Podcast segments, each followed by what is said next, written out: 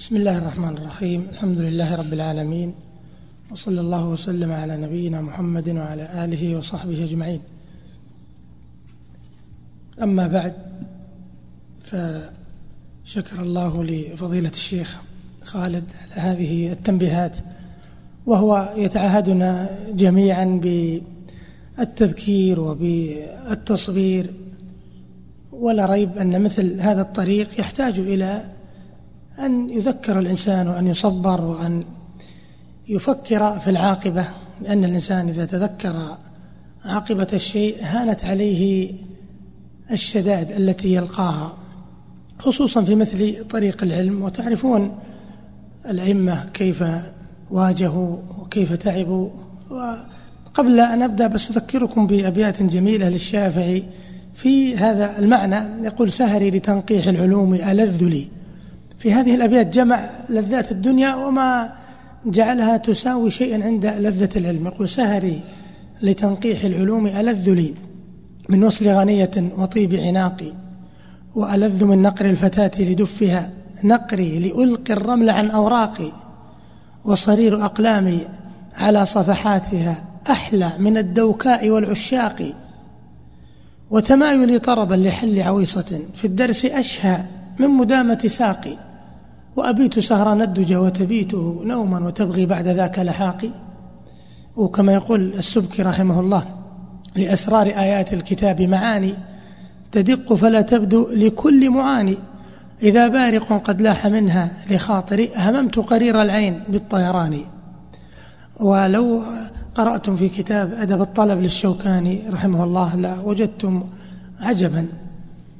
والحقيقة يعني لو اطلعتم على بعض ما يبذله المشايخ وخصوصا الشيخ خالد في سبيل إنجاح هذه الدورة والعناية بها وتشذيبها لا ربما ازددتم إقبالا على إقبال. ثم أقوله بكل صراحة هذه الدورة متميزة والإنسان وهو يلقيها يشعر براحة لأن فيها انتظام وفيها ترتيب وهذا تلقونه إن شاء الله تعالى. ف يعني اعذرونا على كثرة التنبيه والتذكير لأن هذا يزيدكم إن شاء الله إقبالا على إقبال. أما بالنسبة للدرس فقد مر بنا في الدرس الماضي مر بنا مباحث عديدة من هذه العقيدة المباركة. من يذكر لنا شيئا مما مر في الدرس الماضي؟ نعم. ولو يكون في على سبيل الترتيب. نعم تفضل.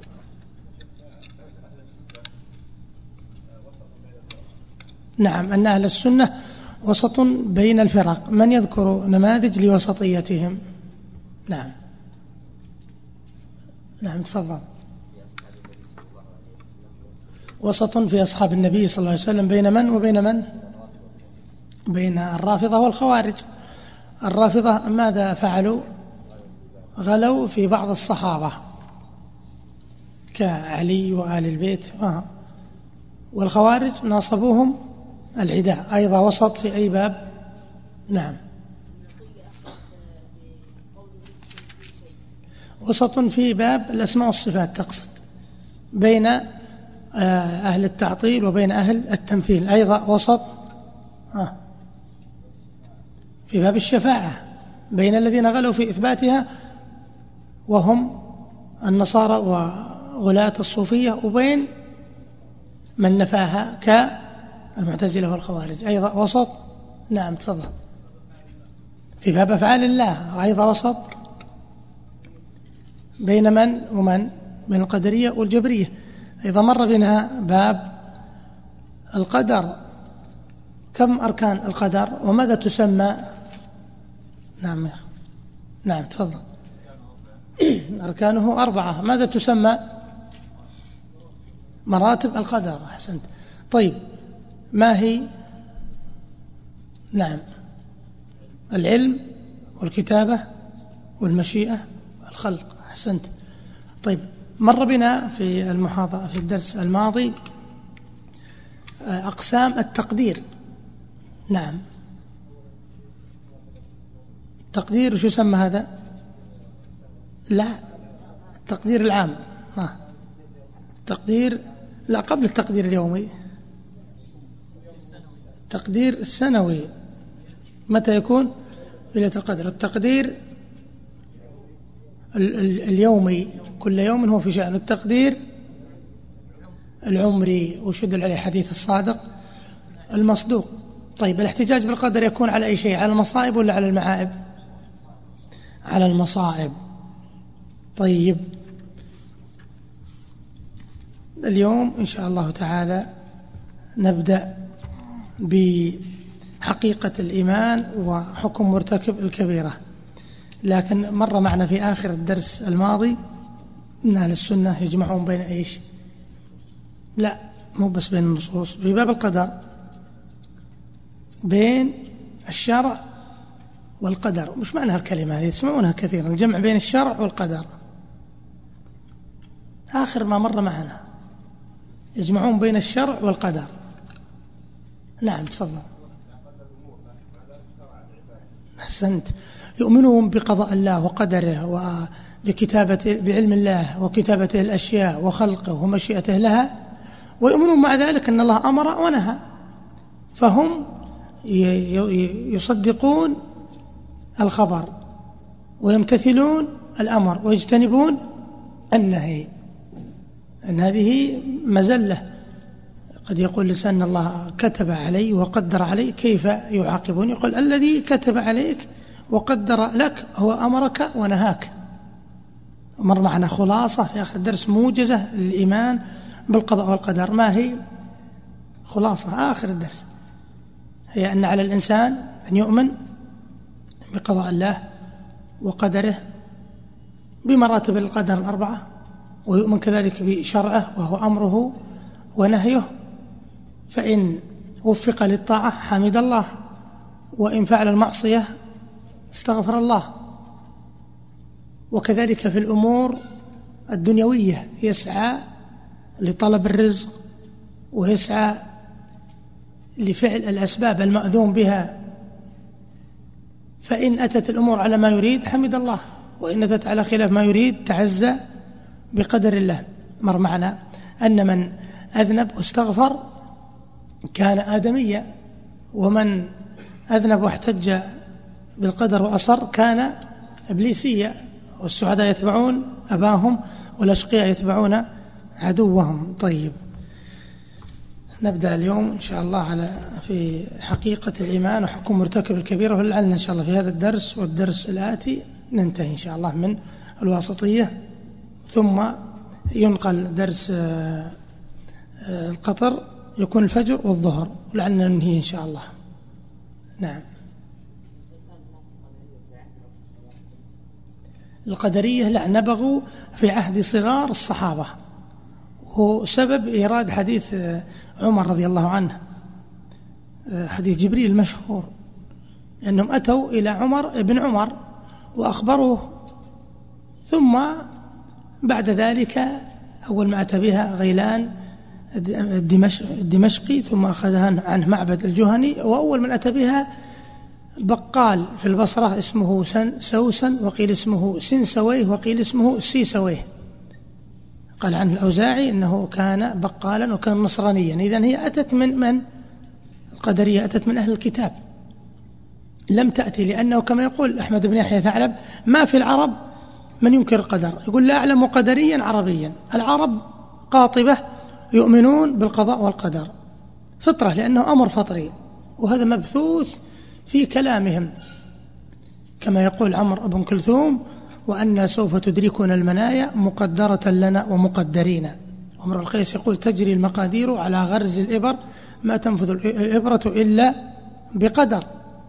وكما يقول طرفه فلو شاء ربي انظر المشيئة. كنت عمرو بن خالد ولو شاء ربي كنت عمرو بن مرثدي فلو شاء ربي كنت قيس بن خالد ولو شاء ربي كنت عمرو بن مرثدي وكذلك زهير بن أبي سلمى فلا تكتمون الله ما في نفوسكم ليخفى ومهما يكتم الله يعلم يؤخر فيوضع في كتاب فيدخر ليوم الحساب أو يعجل فينقمي وإن كان قد يشوبه بعض التخبط هذا الإيمان. عند بعضهم مثل زهير يقول رأيت المنايا خبط عشواء من تصب تمت ومن تخطئ.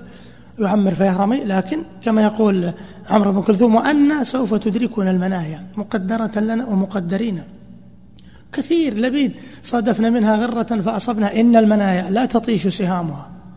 هذا أمر فطري لكن أتاهم من أهل الكتاب من هذا الرجل الذي يقال له سوسا وقيل سيسويه وقيل سنسويه وإلا فما كانت العرب تعرف إن كان القدر وما كان فيهم من يقول إن الأمر أنف.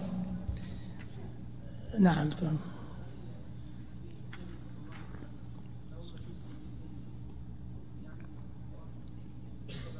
إيش؟ نعم. هم من الفرق الإسلامية لكن فيهم شبه من المجوس في هذا الباب. إي نعم. يا. نبدأ الدرس ونخلي الأسئلة. آخر سؤال. نعم.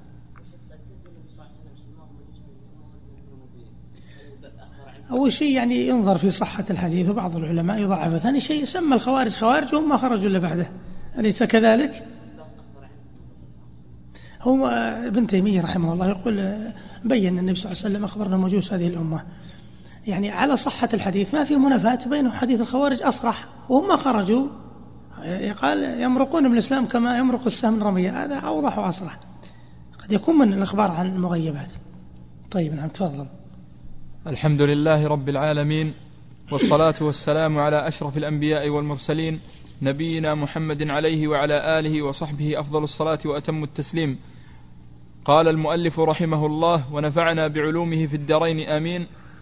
ومن أصول أهل السنة والجماعة أن الدين والإيمان قول وعمل قول القلب واللسان وعمل القلب واللسان والجوارح وأن الإيمان يزيد بالطاعة وينقص بالمعصية. نعم.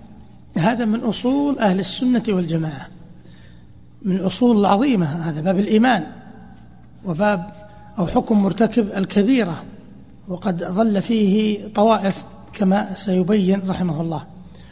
من أصول أهل السنة والجماعة التي اتفقوا عليها أن الدين والإيمان قول وعمل. والإمام البخاري رحمه الله كما ذكر عنه اللالكائي في شرح أصول اعتقاد أهل السنة والجماعة. نقل الإجماع هذا عن ألف عالم. في الحجاز وفي اليمن وفي الشام وفي مصر وفي خراسان لقيهم كلهم يقول الإيمان قول وعمل. إذا الإيمان عند أهل السنة والجماعة حقيقة مركبة وليست حقيقة واحدة. يأتينا الكلام هذا. وش معنى حقيقة مركبة وش معنى حقيقة واحدة؟ نأخذ أول كون الإيمان حقيقة مركبة عند أهل السنة والجماعة مركبة من قول وعمل. ما معنى قول وعمل؟ القول قول القلب وقول اللسان. والعمل عمل القلب وعمل اللسان وعمل الجوارح. وهذا العمل يزيد بالطاعة وينقص بالمعصية. طيب قول القلب إقراره وتصديقه واعتقاده واضح؟ وقول اللسان نطقه نطقه بالإسلام. وشهادة أن لا إله إلا الله نطقه بما يعتقده الإنسان. طيب وعمل القلب القربات التي يكون طريقها القلب. هذه داخلة في الإيمان. مثل ماذا؟ خوف والرجاء والمحبة والخشية والحياء. هذه عمل أعمال قلبية. وعمل اللسان مثل ماذا؟ الذكر ومثلا الأمر المعروف والنهي عن المنكر والإصلاح والتلاوة. واضح؟ عرفنا قول القلب وقول اللسان. هنا عمل القلب وعمل اللسان. عمل الجوارح كثيرة. مثل ماذا؟ الصلاة يأتينا مثال ينتظم هذه الأمور جميعا. انظروا حديث الشعب. الإيمان بضع وسبعون شعبة. وفي رواية البخاري بضع وستون شعبة. أعلاها لا إله إلا الله. هذا وش مثال لإيش؟ لقول اللسان وأيضا عمل اللسان. إن كان إقرارا أو كان ذكرا. طيب. وأدناها إماطة الأذى عن طريق. هذا مثال لأي شيء؟ عمل الجوارح والحياء شعبة من الإيمان وهو عمل القلب. أيضا فيه الحديث فوائد ودرر آه، مثل بلا إله إلا الله أعلاها هذا الإيمان الركن وأدناها إماطة الأذى عن طريق هذا الإيمان إيش؟ المستحب. والحياء شعبة هذا مثال الإيمان الواجب. طيب آه، نطبق على الصلاة. الصلاة ماذا سماها الله عز وجل؟ سماها إيمان. وما كان الله ليضيع إيمانكم. كيف كانت الصلاة إيمانا؟ نطبق. أليس الإنسان يقر في قلبه بفرضيتها؟ إذا هذا قول القلب. ولو سئل عن ذلك لا قال هي فرض. عين. طيب. إذا هذا القول قول اللسان وقول القلب. طيب. كيف يكون في الصلاة عمل اللسان وعمل القلب. الصلاة الله أكبر سمع الله لمن حمده. كلها أقوال أو أكثرها أقوال. هذا وش يسمى عمل؟ اللسان. طيب وعمل القلب اللسان يصلي خوفا من الله وحبا له ورجع لثوابه ويخشع في صلاته. إذا هذه أعمال قلبية. طيب والجوارح كلها تتحرك في الصلاة. لاحظتم؟ ولا يلزم أن تجتمع هذه الأمور في كل عبادة. مثلا في الصيام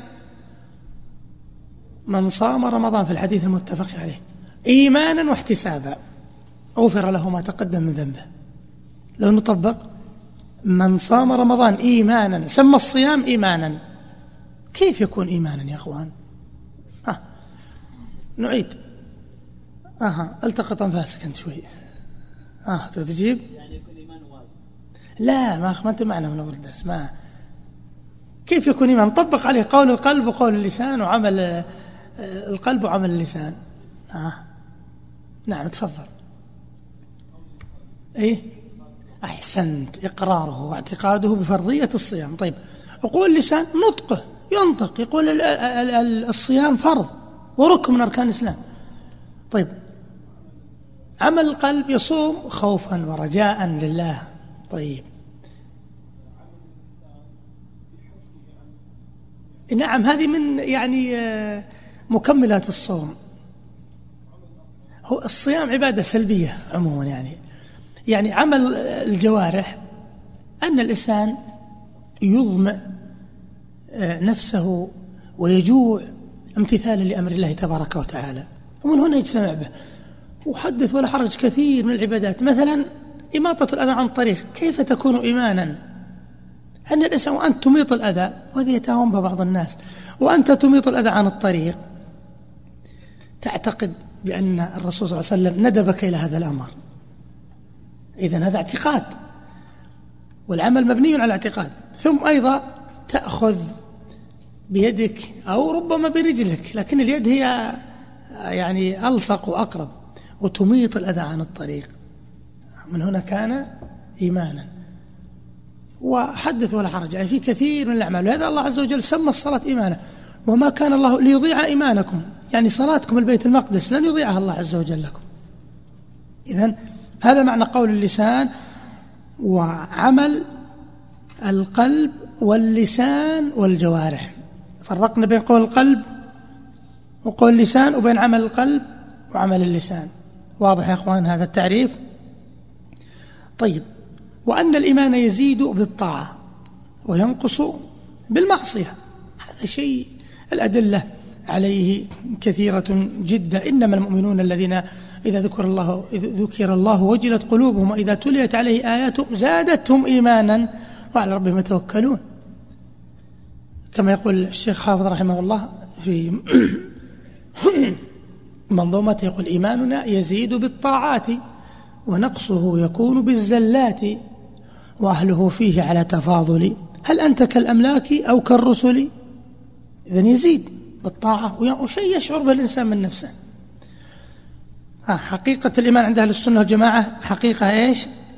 مركبة. عرفنا إيش معنى مركبة؟ من قول وعمل. وعرفنا التفريع على القول والعمل. عند المرجئة والخوارج الإيمان حقيقة واحدة. حقيقة واحدة. بمعنى إيش؟ بمعنى أنه لا يزيد ولا ينقص ولا يتبعض. لا يتبعض يعني لا يعني إذا ذهب بعضه ذهب كله.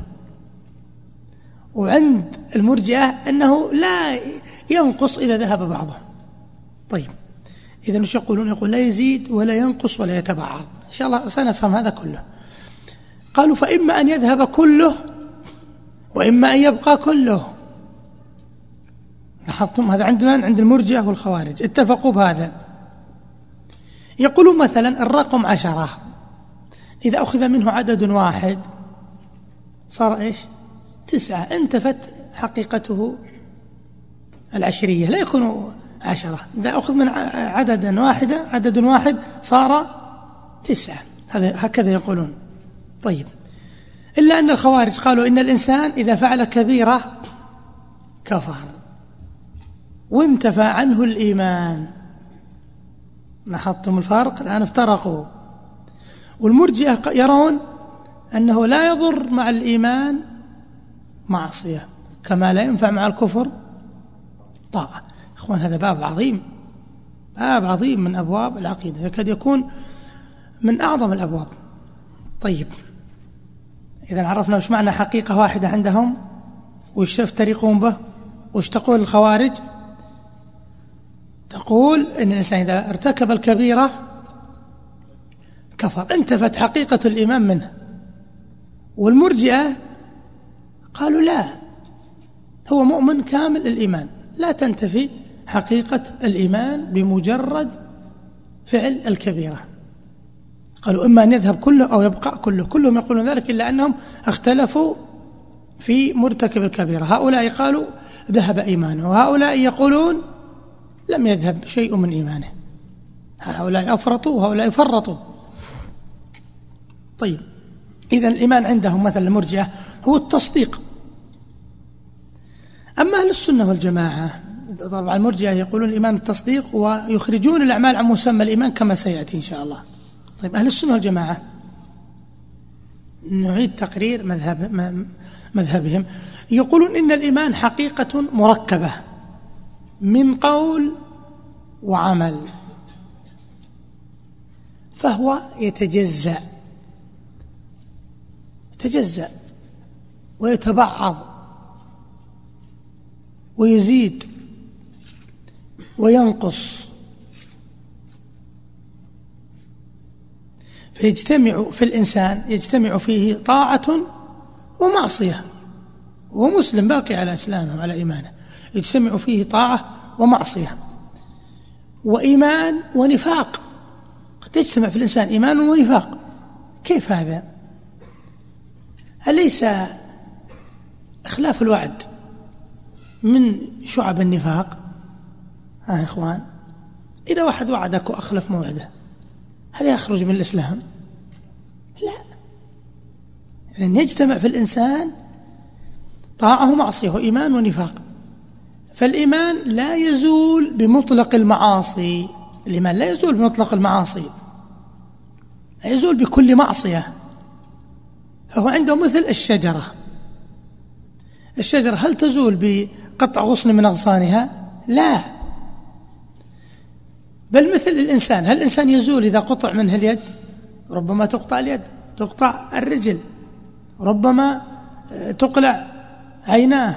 وربما يذهب سمعه ربما تذهب رجلاه ربما يجدع أنفه بس بقي إنسان.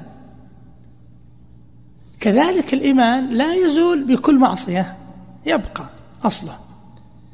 لكن إذا حصلت كانت المعصية هذه في أصل الإيمان اجتثت الإيمان ذهب الإيمان إذا أتى بمكفر. كذلك الإنسان لو قطع رأسه خلاص. ذهب الإنسان.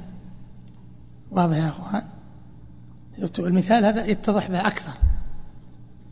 إذن هؤلاء هذا يعني قول أهل السنة والجماعة يقول الإيمان يتجزأ ويتبعض ويزيد وينقص ولا يزول بكل معصية. مثل من قامت به شعبة من شعب الكفر لا يعد كافرا. لو إنسان يكذب الكذب من شعب الكفر ومن شعب النفاق. هل نقول أنه خرج؟ لا. كما أنه ليس كل من قامت بشعبة من شعب الإيمان يكون مؤمنا. أليس يوجد عند الكفار مع بالغ الأسف قد يكونون يعني يفوقون بعض المسلمين مثلا بالوعد وبالصدق؟ لاحظتم؟ قد يصدق وقد يخلص في عمله. ويتقنه. هل هل هذا يدخله في الإسلام؟ مع أنها شعبة من شعب الإيمان لا لأنه فقد الأصل. طيب واضح إن شاء الله.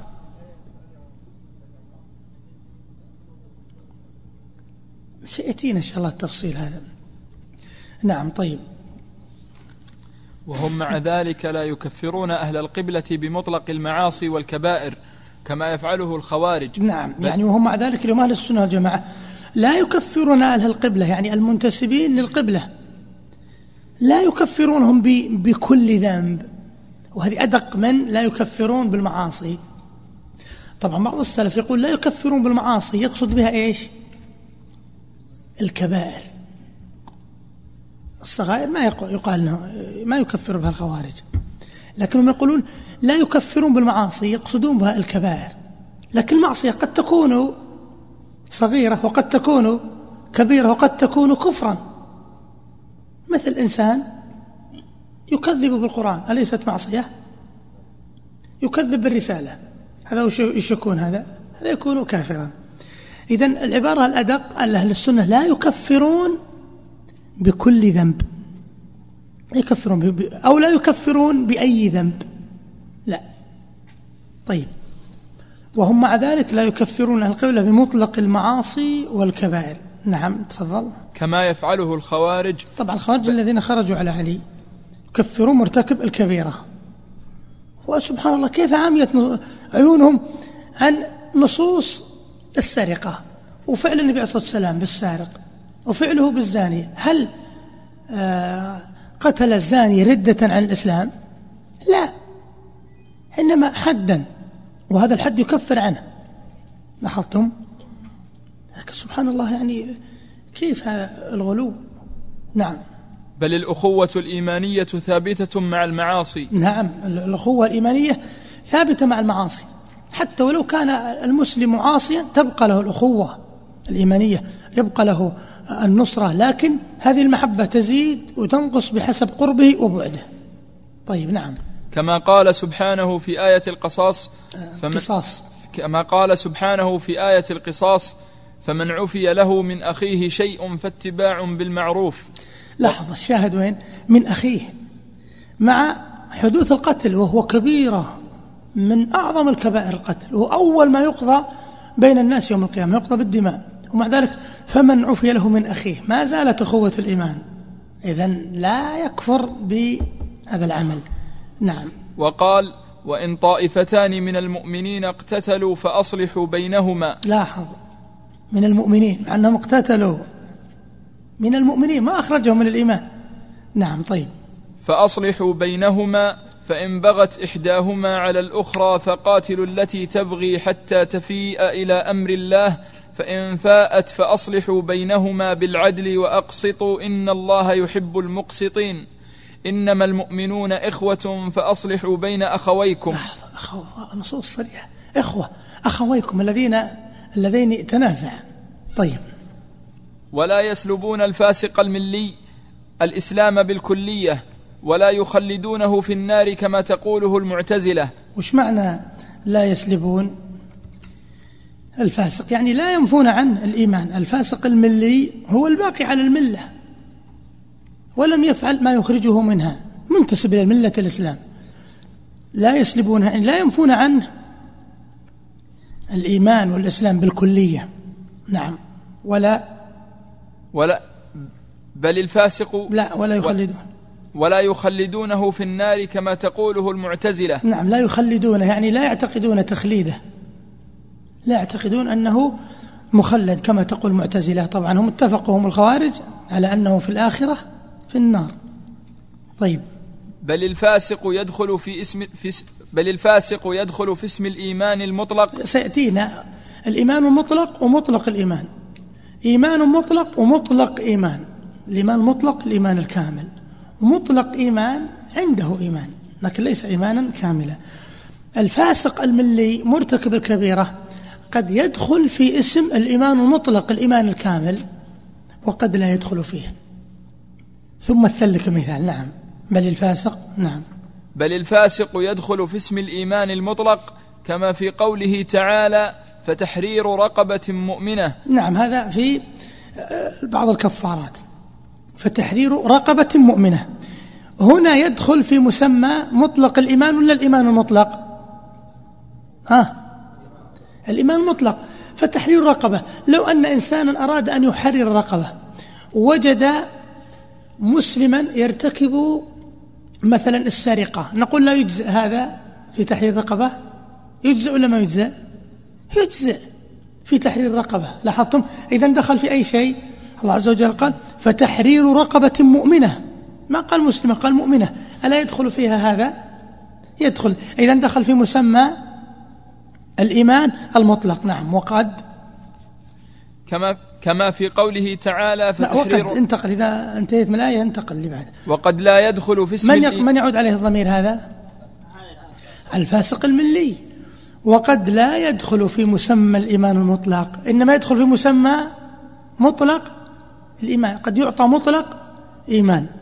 نعم وقد لا يدخل نعم. وقد لا يدخل في اسم الإيمان المطلق كما في قوله تعالى إنما المؤمنون الذين إذا ذكر الله وجلت قلوبهم وإذا تليت عليهم آياته زادتهم إيمانا.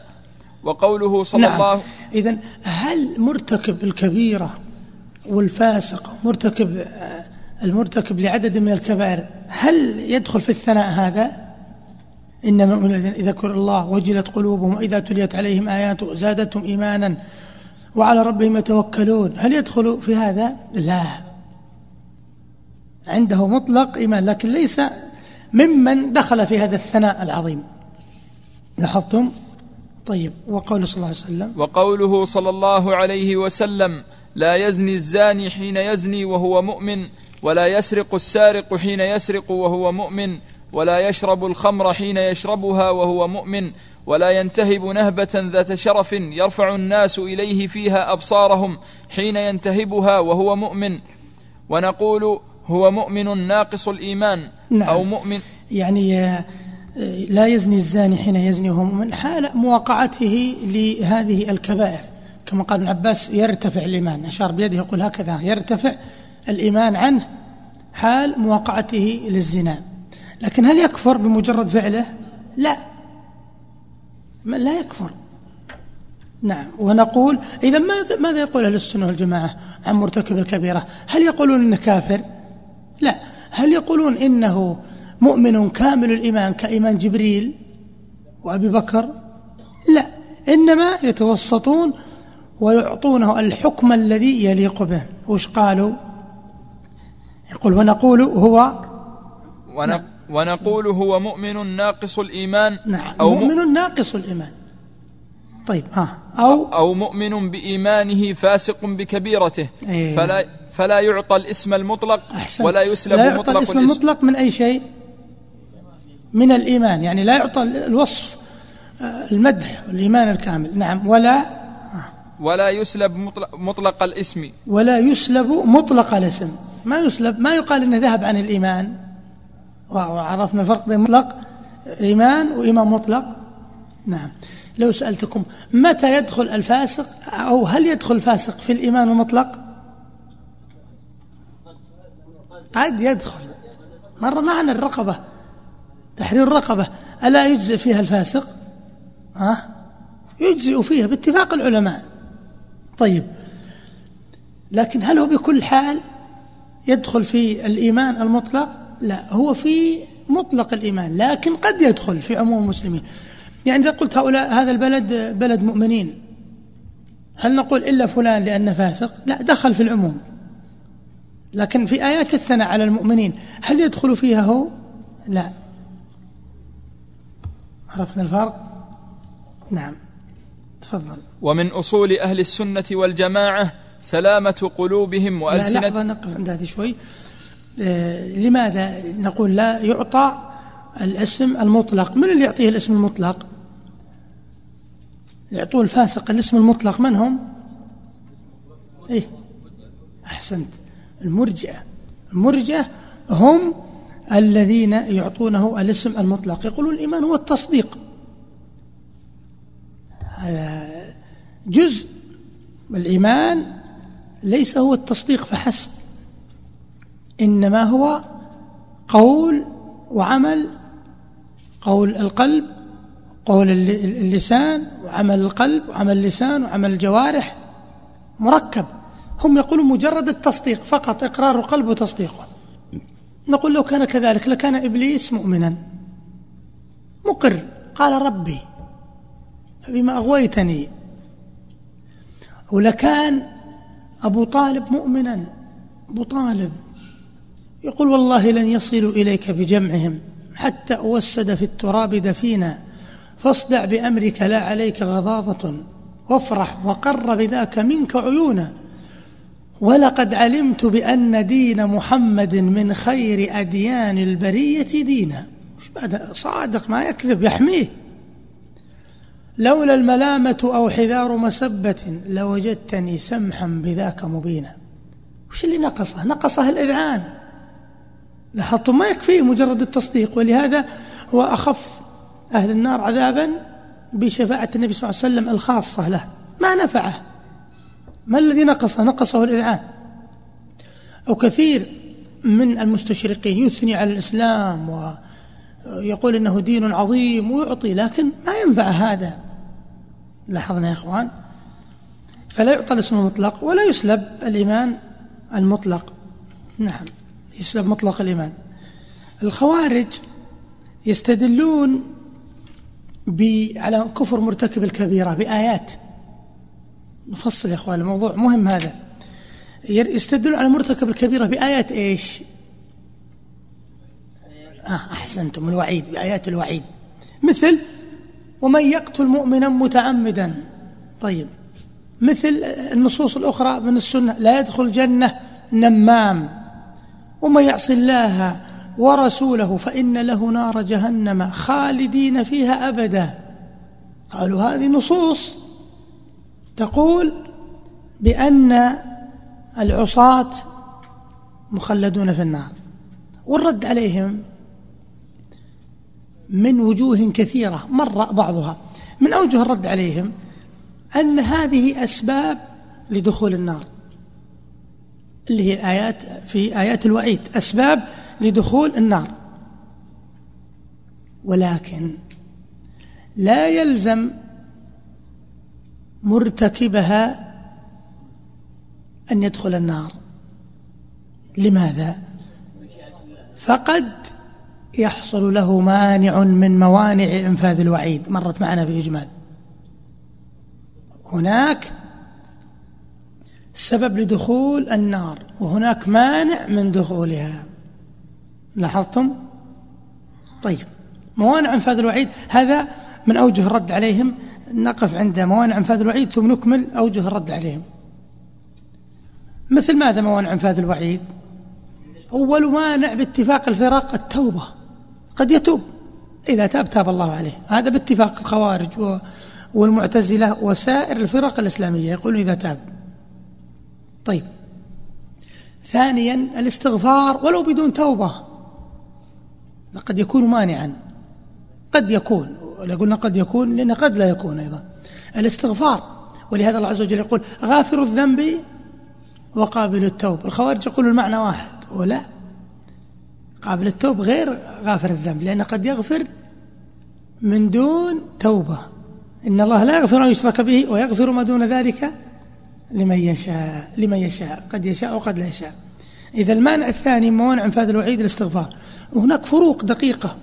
قد تصل إلى العشرين فرقا بين التوبة والاستغفار والمقام لا يسمح بالتفصيل. إذا المانع الثاني موانع انفاذ الوعيد استغفار الاستغفار دعاء. قد يجاب وقد لا يجاب. إذا قد يكون مانعا. طيب. أيضا من الموانع المصائب المكفرة. المصائب المكفرة. إنسان عمل معاصي لكن الله عز وجل ابتلاه بمصائب في ماله في بدنه. هذه كفرت عنه. لهذا لما نزل قوله تعالى ليس بأمانيكم ولا أماني أهل الكتاب من يعمل سوءا يجزى به ولا يجد له من دون الله وليا ولا نصيرا. أبو بكر قال يا رسول الله نزلت قصمة الظهر ما نفعل نجزى به؟ قال يا أبا بكر أليس يصيبك النصب؟ أليس يصيبك التعب؟ أليس يصيبك اللأواء؟ قال نعم. قال ذلك ما تجزون به.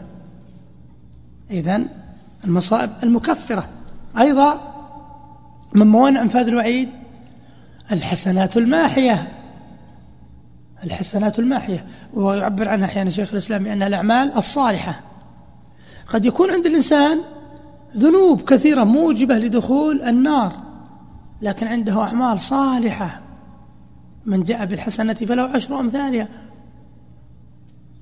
ومن جاء بالسيئة فلا يجزى إلا مثلها. إذا العبرة بيوم القيامة بأي شيء؟ بالوزن. عنده أعمال موجبة لدخول النار. لكن عنده إيش؟ حسنات تمحوها.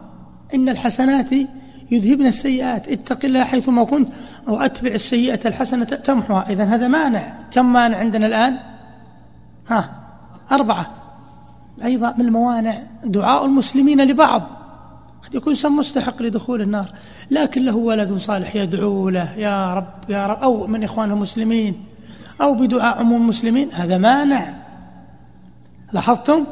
فعله للمعصية هذا موجب لدخول النار لكن هذا مانع. أيضا عذاب القبر. قد يكون عذابه في القبر مانع من تعذيب الآخرة قد يرتكب المعاصي ويعذب عذابا يكفيه. يكون أزال عنه موجب العقوبة في الآخرة. هذا من الموانع. أيضا أهوال القيامة. قد يجد من الأهوال قد يعذب في القبر لكن بقي عنده عليه تبعات. تكفر أو تذهب بما يكون من الأهوال. يعني قبل أن يدخل الجنة والنار هذا المصير الأخير له. أيضا شفاعة الرسول صلى الله عليه وسلم. عنده كبائر وعنده لكن وش اللي منع من دخول النار؟ الشفاعة. أيضا كم عندنا صار الآن؟ التاسعة شفاعة الشافعين من آه، عموم المسلمين. يشفع بعضهم لبعض من عموم المؤمنين. هذا مانع من موانع أنفاذ الوعيد. وآخر شيء رحمة أرحم الراحمين. رحمة أرحم الراحمين. قد يتداركه الله برحمته ويرحمه. يكون هذا مانع إذا فاتت هذه العشرة فلا يلومن إلا نفسه. إذا هذا وجه من أوجه الرد. ما هو؟ ما؟ أن هذه الأسباب موجبة لدخول النار لكن لا يلزم أن يدخل لأنه ربما يقوم مانع من موانع انفاذ الوحيد. أيضا من أوجه الرد عليهم أن أخوة الإيمان لا تزول بالكبائر. نعم؟ أصلا الموانع ما تكون إلا للتوحيد. الكافر ما تنفع. كل هذه ليست للكافر. لاحظت؟ لابد أن يكون باقيا على أصل الإيمان. وإلا الشفاعة هل تكون للكافر؟ والاستغفار هل يقبل من الكافر؟ والمصائب المكفرة هل هي تكفر؟ لا. إذا هذه للمؤمن خاصة. نحن الحديث بالإيمان نحن نرد على الخوارج. نحن ما نختلف عن الخوارج في تكفير الكفار الذين أتوا بأمور مكفرة إنما في الكبيرة. كل الحديث عن هذا. الحديث هذه كلها في أهل الإيمان. هل تقبل التوبة من الكافر من المعاصي؟ مثل كافر يقول والله تبت من شرب الخمر يزول عنه أثرها وموجب تعذيبه بهالذنب بخصوصه. لكن باقي عنده ما هو أعظم الأصل. لو الكافر مثلا استغفر ما يقبل منه. لو صلى وصام خدمنا ما عملوا من عمل. الحديث هذا عن الإيمان. طيب إذا الثاني أن أخوة الإيمان لا تزول بالكبائر والثالث أيضا من رد عليهم أن الله عز وجل يقول إن الله لا يغفر أن يشرك به ويغفر ما دون ذلك لمن يشاء. شو وجه الرد من هنا؟ ها؟ وجه الرد؟ أن الله أثبت المغفرة لما دون الشرك. نعم معلقها بأي شيء؟ بالمشيئة. أيضا أن النصوص بينت أن مرتكب الكبيرة يخرج من النار كما في حديث الشفاعة. وعزتي وجلالي وكبريائي وعظمتي لأخرجن منها من قال لا إله إلا الله. إذا لا يخلد في النار. أيضا من الردود لأنهم استدلوا بقوله تعالى وما يعصي الله ورسوله أن المعصية تطلق على الصغيرة والكبيرة وعلى الكفر. يعني تطلق على الظلم أيضا والفسق والصغيرة والكبيرة. أيضا أن الحدود تدل على أن مرتكبي بعض الكبائر التي تستوجب حدا تمنع أن يكون أصحابها مخلدين في النار مثل السارق ما حده. هل يقتل ردة؟ والزاني الثيب هل يقتل ردة؟ لا إنما يقتل حدا وهذا يكون مكفرا له أيضا. طيب يعني هذا من أوجه الردود عليهم. نعم تفضل. ومن أصول أهل السنة والجماعة سلامة قلوبهم وألسنتهم لأصحاب رسول الله صلى الله عليه وسلم كما وصفهم الله به في قوله تعالى والذين جاءوا من بعدهم يقولون ربنا اغفر لنا ولإخواننا الذين سبقونا بالإيمان ولا تجعل في قلوبنا غلا للذين آمنوا ربنا إنك رؤوف رحيم. وطاعة الرسول صلى الله عليه وسلم في قوله لا تسبوا أصحابي فوالذي نفسي بيده لو أن أحدكم أنفق مثل أحد ذهبا ما بلغ مد أحدهم ولا نصيفه. نعم أحسنت. اذا المقطع هذا في بيان الواجب نحو أصحاب رسول الله صلى الله عليه وسلم وفي ذكر فضائلهم ومن أصول أهل السنة والجماعة سلامة قلوبهم وألسنتهم لأصحاب رسول الله صلى الله عليه وسلم. اذا ما الاعتقاد الحق في الصحابة؟ الاعتقاد الحق في الصحابة حبهم والترضي عنهم واعتقاد عدالتهم والاعتراف بسابقتهم ونشر فضائلهم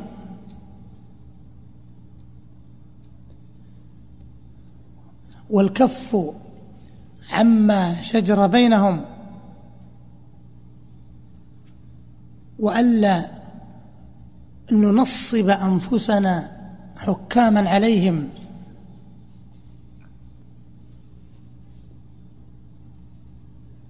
والتبرؤ من طريقة الذين يبغضونهم أو يسبونهم. هذا هو الاعتقاد الحق في الصحابة. ولهذا الله عز وجل قال والذين جاءوا من بعدهم يقولون ربنا اغفر لنا ولاخواننا الذين سبقونا بالإيمان. هذا هذا هذا طريق أهل الإيمان. والأدلة على فضلهم كثيرة جدا هناك فضائل بخصوص أعيانهم. هي مبثوثة في كتب السنن والمسانيد وغيرها. وهناك ثناء عام عليهم مثل محمد رسول الله والذين معه. يقول الإمام مالك رحمه الله بلغني أن النصارى كانوا إذا رأوا الصحابة الذين فتحوا الشام يقولون والله لهؤلاء خير من حواري عيسى. النصارى يقولون ومليحة شهدت لها ذراتها والفضل ما شهدت به الأعداء. النصارى لما رأوا معاذا وغيره يعني قالوا هؤلاء خير من حواري عيسى. بإيش؟ بإيمانهم بأخلاقهم وبعلمهم. وأخبارهم في الكتب المنزلة ذلك مثلهم في التوراة ومثلهم في الإنجيل. إذا الثناء عليهم كثير وسيأتي مزيد حديث عنهم. نعم.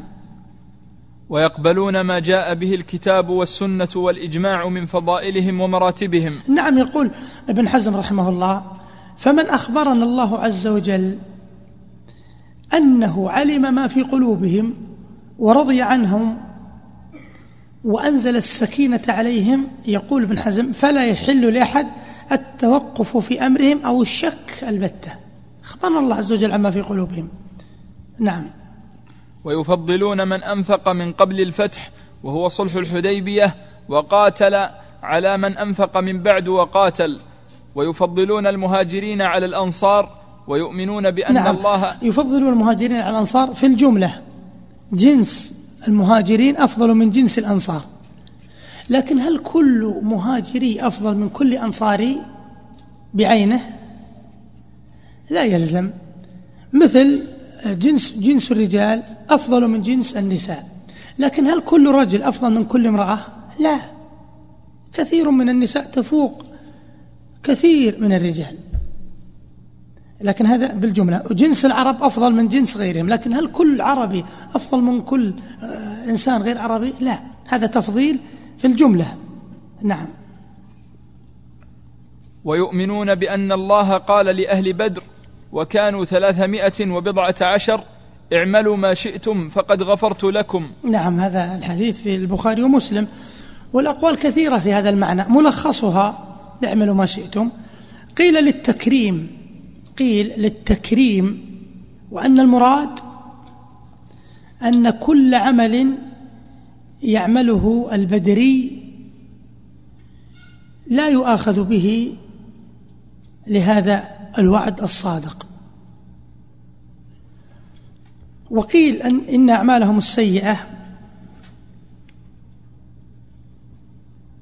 تقع مغفورة فكأنها لم تقع. فالله عز وجل يوفقهم للتوبة النصوح والحسنات الماحية. فكأنها لم تقع منهم. هذا مما قيل يعني. وليس معنى ذلك أنهم يعطلون الفرائض وثوقا بالمغفرة. لا. نعم. طيب. وبأنه لا يدخل النار أحد بايع تحت الشجرة كما أخبر به النبي صلى الله عليه وسلم بل لقد رضي الله عنهم ورضوا عنه وكانوا أكثر من ألف وأربعمائة. وأربع وأربعمائة. ويشهدون بالجنة لمن شهد له رسول الله صلى الله عليه وسلم كالعشرة وثابت بن قيس وثابت بن قيس بن شماس وغيرهم من الصحابة. ويقرون بما تواتر به النقل عن أمير المؤمنين علي بن أبي طالب رضي الله عنه.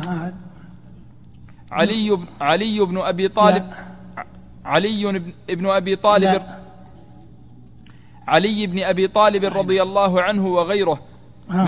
وغيره من أن خير هذه الأمة بعد نبيها أبو بكر ثم عمر ويثلثون بعثمان ويربعون بعلي رضي الله عنه رضي الله عنهم.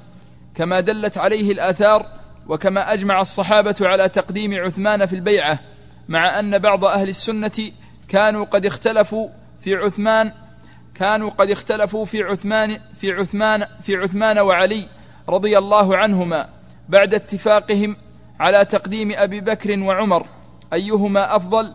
فقدم, فقدم قوم عثمان وسكتوا وربعوا بعلي وقدم قوم عليا وقوم توقفوا لكن استقر أمر أهل السنة على تقديم عثمان ثم علي. نعم. وإن كانت هذه المسألة مسألة عثمان وعلي ليست من الأصول التي يضلل المخالف, المخالف فيها عند جمهور أهل السنة. نعم. لكن هذه من فروع المسائل هذه ليست من أصولها. نعم. لكن التي يضلل فيها مسألة الخلافة.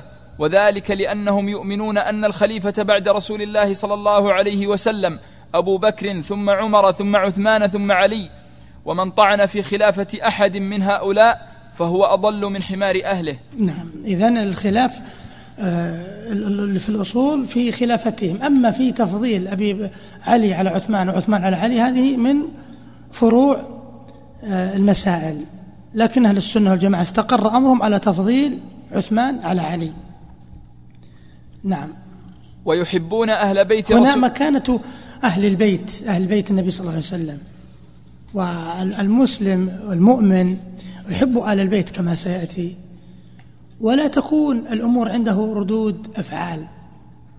بعض الناس إذا رأى مثلا الرافضة يسبون يسبون أبا بكر وعمر ربما يكون عنده ردة فعل. وأحد المشايخ حدثني أن شابا جلس مع مجموعة جمعه ببعض الشيعة مجلس أو مكان أو ظرف لا أريد أن أفصل يعني في أي مكان اجتمعهم. شباب يقول هذا الشيخ بنفسه يقول أحد الشباب يسألني يقول جلست عندهم وبدأوا يسبون أبا بكر وعمر. قل فغضبت فسببت عليا. أعوذ بالله. قال ليش؟ والله قهروني. طيب تسب عليه. هذا من الجهل. وأحدهم في الفصل الماضي في الإجازة الماضية رأى شخصا يطوف بالبيت ويدعو عليا يتوسل بعلي رضي الله عنه. فقال يا أخي إذا كنت ولا بد متوسلا فتوسل بالنبي صلى الله عليه وسلم يا أخي. ادعو النبي صلى الله عليه وسلم. سبحان الله العظيم يعني هذا من الجهل. والدين لا يقوم على ردود الأفعال. المرجئة ردة فعل الخوارج والجبرية ردة فعل القدرية. لا السنة البدعة لا ترد بالبدعة إنما ترد بالسنة. ولهذا كم بعض أهل السنة إذا جاء يوم التاسع والعاشر يقيمون الاحتفالات ويوزعون الأطعمة لأن هؤلاء يقيمون المآتم. لا لا السنة ما ترد إلا بالسنة.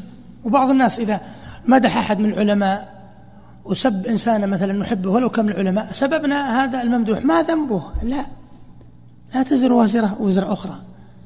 نحن نحبهم كلهم هذا من نعمة الله علينا. نعم تفضل.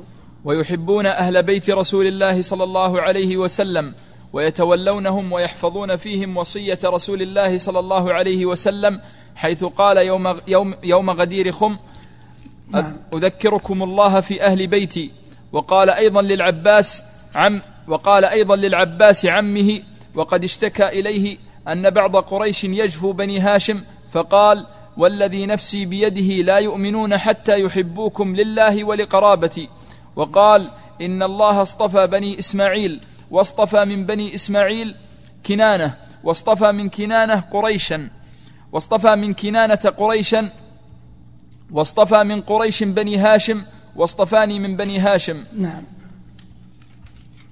ويتولون أزواج النبي صلى الله عليه وسلم أمهات المؤمنين ويؤمنون بأنهن أزواج أزواج أزواجه في الآخرة. أحسنت على هذه القراءة. طيب وش أمهات المؤمنين؟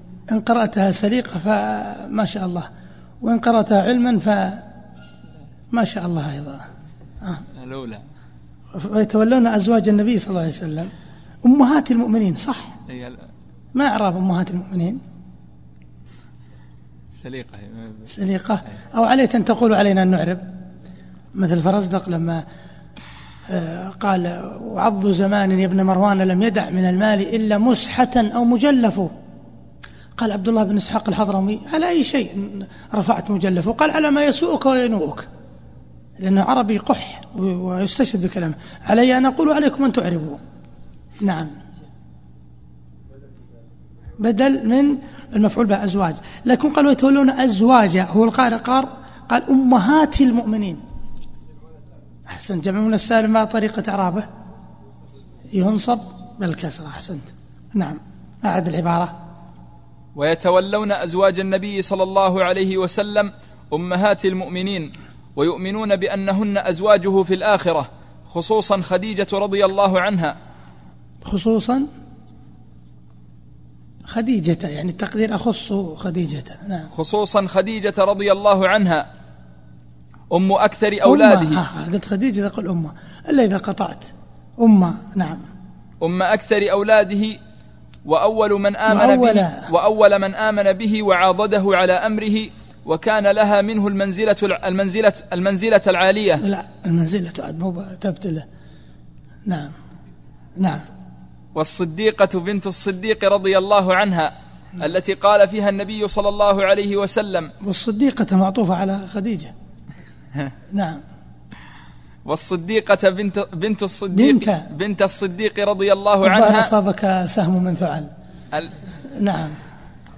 التي قال فيها النبي صلى الله عليه وسلم فضل عائشة على على النساء كفضل الثريد على سائر الطعام. هذا من آه، فضل عائشة رضي الله عنها كفضل الثريد. الثريد من أجود الأطعمة من خبز ولحم فهذا شيء من فضائل عائشة رضي الله عنها. نعم طيب. ويتم... يعني من يسبها. و... نعم. ويتبرؤون المقطع هذا في لأن مر معنا أن أصول السنة والجماعة أنهم يتبرؤون ممن يسب الصحابة أو يكفرهم. المقطع هذا في بيان تبرؤ أهل السنة والجماعة مما يقال في حق الصحابة وأهل البيت. نعم. ويتبرؤون من طريقة الروافض الذين يبغضون الصحابة ويسبونهم. ومن طريقة النواصب الذين يؤذون أهل البيت بقول أو عمل. طيب لماذا يتبرؤون من هذه الطريقة من طريقة سب الصحابة؟ لأن الطعن في الصحابة يلزم منه لوازم خطيرة. من لوازم السب ها الطعن فيهم هو طعن في الإسلام وفي رسول الإسلام. ولهذا كلمة لابن سيرين ذكرها ابن كثير في تفسيره. يقول ما أظن أحد يبغض الصحابة أو يبغض أبا بكر وعلي وعمر إلا هو يبغض الرسول صلى الله عليه وسلم. استنباط لطيف. إذا من لوازم الطعن من لوازم آه، سب الصحابة آه، والطعن فيهم أن الطعن فيهم في الحقيقة طعن في الإسلام وفي رسول الإسلام. لأن الطعن في الناقل طعن في المنقول. من اللي نقلنا الإسلام؟ الصحابة رضي الله عنهم. وهذه طريقة سلكها أعداء الإسلام. لما عجزوا عن الطعن في الدين طعنوا في نقلته. هذا لازم خطير. أيضا من لوازم السب الشك في القرآن. يندرج تحت الذي مضى لأن الطعن في الناقل طعن في المنقول. أيضا يقتضي أن هذه الأمة شر الأمم.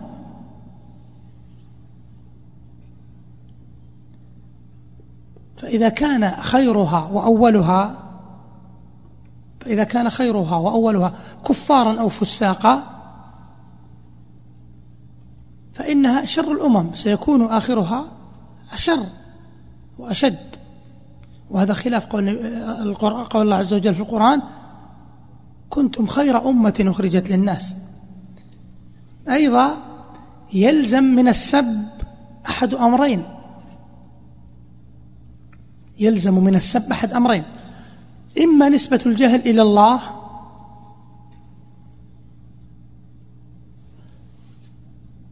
أو العبث في النصوص التي جاءت بالثناء عليهم.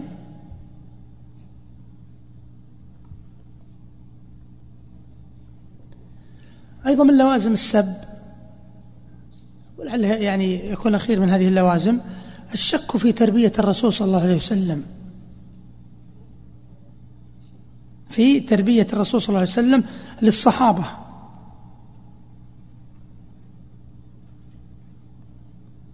وهذا يقود إلى اليأس من تربية الإسلام لأتباعه. إذا كان الرسول صلى الله عليه وسلم ما ربى هؤلاء إذا من يستطيع من بعد أن يعلم الناس الإسلام ويربيهم عليه. نعم تفضل. ويمسكون عما هنا الجواب عما ينسب إليهم من مثالب وهذا كلام من من رصين العلم ما ينسب إليهم من مثالب. وأيضا إخوان نأخذ درسا عظيما إذا حدثت فتنة أو مصيبة على الإنسان ألا يستعجل وأن يتأنى؟ لأن المصيبة إذا غشيت غطت على العقول. تصور أنك الآن بين الصحابة ويحدث بينهم القتال. وش موقفك؟ موقف عظيم.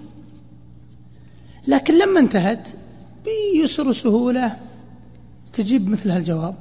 تقول مثل بعضهم رأى أن الحق مع علي ولا يسعه إلا يتبعه. وبعضهم رأى أن الحق مع معاوية ولا يسعه إلا يتبعه. وبعضهم لم يتبع له الحق فاعتزل الفتنة. وكلهم عدول وكلهم خيار وتنتهي. بس. لكن حين تحدث أقل منها ومثل هالعصور والناس يغلب عليهم الجهل والهوى ومع ذلك. تجد الناس يتخبطون. لو أن الإنسان تأنى وسأل الله التوفيق والإعانة لا تبين له الأمر. نعم. إذا هنا الجواب عما ينسب إليهم من مثالب. نعم تفضل. ويمسكون عما شجر بين الصحابة. من يعود عليه الضمير يمسكون؟ أي نعم عن السنة والجماعة. نعم. ويقولون إن هذه الآثار المروية في مساويهم منها ما هو كذب. هذا واحد منها ما هو كذب. بعض الناس يقرأ عنهم ليس في الكتب الصحيحة إنما يقرأ مثلا في كتاب المستطرف من كل فن مستطرف الأبشيهي أو كتاب الأغاني للأصفهاني أبي الفرج. كتب ليست معتمدة وربما كتبت للتزية والفراغ وليس فيها التحرير. فيأتون بمثالب عن الصحابة رضي الله عنهم عن السلف. هذا قد يكون كذب نعم. ومنها ومنها ما قد زيد فيه ونقص وغير عن وجهه. هذا ثاني من الأجوبة نعم. والصحيح منه الصحيح مما وقعوا فيه من مثالب. هم ليسوا معصومين في الجملة. هم ليسوا معصومين قد تقع منهم آه الأخطاء. نعم والصحيح يعني الصحيح مما ينسب إليه من مثالب. نعم.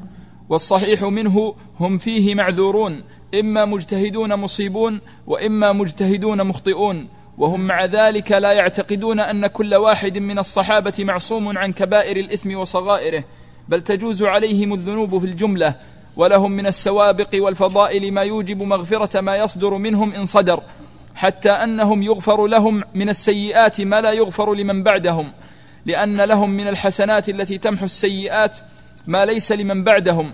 وقد ثبت بقول رسول الله صلى الله عليه وسلم أنهم خير القرون وأن المد من أحدهم إذا وأن المد من أحدهم إذا تصدق به كان أفضل من جبل أحد ذهبا. لماذا؟ لأن الأعمال يا أخوان تتفاضل لا بصورتها وإنما بحسب ما يقوم بالقلب من حقائق الإيمان. وهم عندهم من الإيمان ما يجعل أعمالهم تتضاعف أضعافا كثيرة. مثال يسير. لو أن إنسانا تصدق بألف وإنسان تصدق بريال الأول يجد من المنة ومن الزهو ومن الإعجاب ومن الإدلال على الله ما ربما ذهب بأجره والثاني تصدق بريال وفي قلبه من الفرح أنه اليد العليا وأن الله من عليه وأن الله مكنه من هذه العبادة. الصورة واحدة لكن العمل بحسب ما يقوم بالقلب. اثنان مثلا أخوان توأمان لو تزوجوا في ليلة واحدة والمهر واحد. واحد لماذا تزوجت؟ قال والله بس الدور وصلني وتزوجت بس.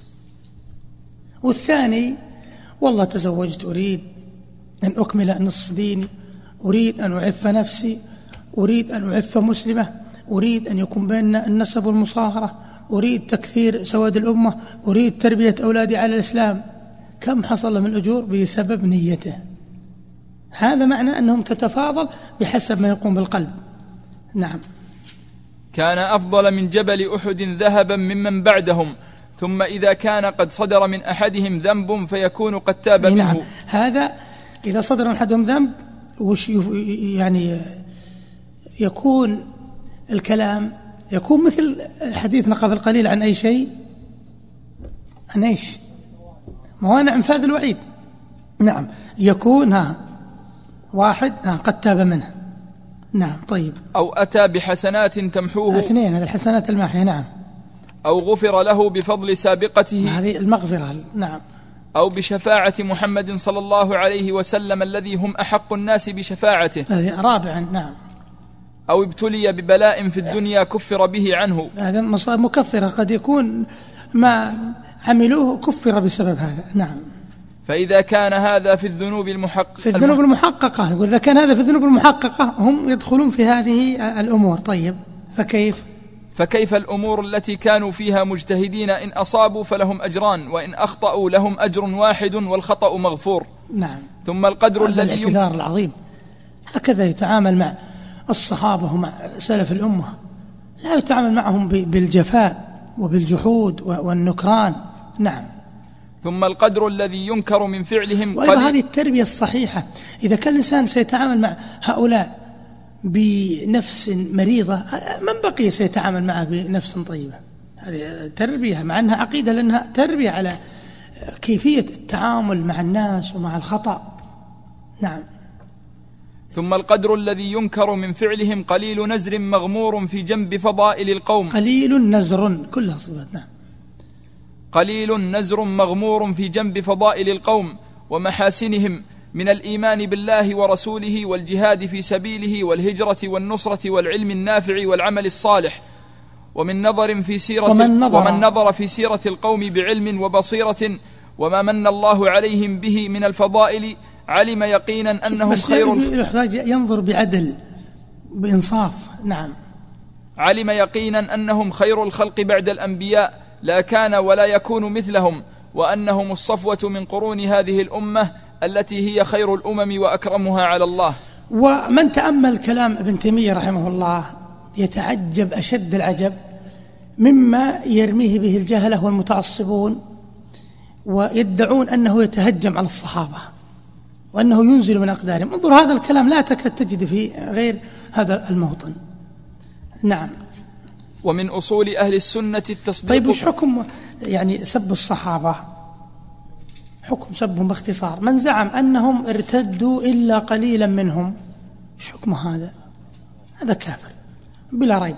لأنه مكذب لكلام الله ولرسوله صلى الله عليه وسلم بالثناء عليهم. طيب من زعم فسق عامتهم. والعامتهم فساق. هذا أيضا قريب من الأول. طيب من سبهم؟ هذا الثالث. سبا لا يقدح في عدالتهم. مثل أن يصف بعضهم بالبخل أو قلة العلم أو قلة الزهد. فهذا يستحق التعزير والتأديب ولا يحكم بكفره بمجرد ذلك. أما من سبهم سبا يقدح بعدالتهم فهذا أيضا يحكم بكفره إذا قدح بعدالتهم. حكم سب عائشة بالذات عائشة بالذات ها هي أجمع أهل العلم على كفر من سبها. يقول ابن شعبان في رواية عن مالك لأن الله تعالى يقول يعظكم الله أن تعودوا لمثله أبدا إن كنتم مؤمنين. يقول فمن عاد لمثله فقد كفر لأنه ورد تبرئتها في القرآن الكريم. طيب نعم تفضل أكمل. ومن أصول أهل السنة التصديق بكرامات الأولياء وما, يج وما يجري الله على أيديهم من خوارق العادات في أنواع العلوم والمكاشفات وأنواع القدرة والتأثيرات. والمأثور عن سالف الأمم في سورة الكهف وغيرها وعن صدر هذه الأمة من الصحابة والتابعين وسائر فرق الأمة وهي موجودة فيها إلى يوم القيامة. نعم ننتهي عند نقف عند ننهي هذا المبحث ثم نقف عشان إن شاء الله غدا ننتهي من ننتهي من هذا الكتاب. لكن ننهي هذا المبحث إن شاء الله لأنه قصير جدا. هنا مذهب أهل السنة والجماعة في كرامات الأولياء.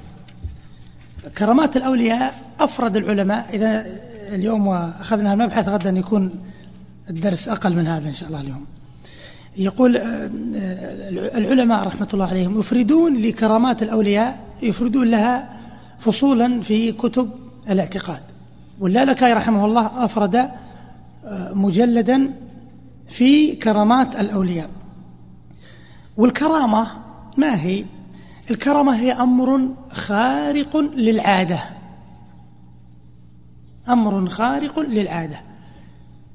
يجريه الله على يد ولي من أوليائه. معونة له على أمر ديني أو دنيوي. الكرامة هي أمر خارق للعادة. يجريه الله على يد ولي من أوليائه معونة له على أمر ديني أو دنيوي. طيب ما الفرق بينه وبين المعجزة؟ المعجزة أمر خارق العادة لكن المعجزة مقترنة بدعوى النبوة. معجزة مقترنة بدعوى النبوة والكرامة لا تقترن بدعوى النبوة. أيضا الكرامة في الحقيقة هي من آثار النبوة لأنها من آثار الاتباع. طيب أعظم الكرامة ما هي يا أخوان؟ أعظم الكرامة لزوم الاستقامة يقول ابن تيمية. أعظم الكرامة لزوم الاستقامة. بعض الناس يتصور الكرامة أن يكون فقط في برية ثم ينقطع عنه الماء ثم يدعو الله ثم ينزل مطرا ويشرب منه لكن أعظم من أن الله كفاك هذا. الماء معك والحمد لله. أو يصاب بمرض والأطباء يقولون لن تشفى من أبدا. ثم تجرى العملية ونسبة النجاح واحد من المئة ثم يشفى. يقول هذه كرامة. لا شك كرامة. لكن أعظم منها أن الله كفاك هذا. كثير من الناس ما يفطن للعافية. وأعظم الكرامة حتى لو أتتك المصائب أن تلزم الاستقامة. لأن هذه معونة لك على أمر ديني أو دنيوي. طيب ما الفرق بين الكرامة والأحوال الشيطانية. كيف نفرق بين الكرامة والحال الشيطاني؟ ها. نفرق في النظر إلى حال من وقعت له. في النظر في حال من وقعت له. رحمك الله. إن كان مؤمنا متبعا قلنا إنها إيش؟ كرامة. وإن كان على غير السنة إنه حال شيطاني. نعم. آه، بعض المعتزلة أنكروا أو المعتزلة أنكروا الكرامة. ليش؟ قالوا تلتبس بدعوى النبوة. وهذا غلط. يرد عليهم بما مر. بأن الكرامة من آثار الاتباع. وهي مقرونة بدعوى المعجزة مقرونة بدعوى النبوة. أما الكرامة فليست مقترنة بدعوى النبوة. طيب لعلنا غدا إن شاء الله نكمل بقية الحديث عن الكرامات. نعم لأن الحكم والمصالح من الكرامات.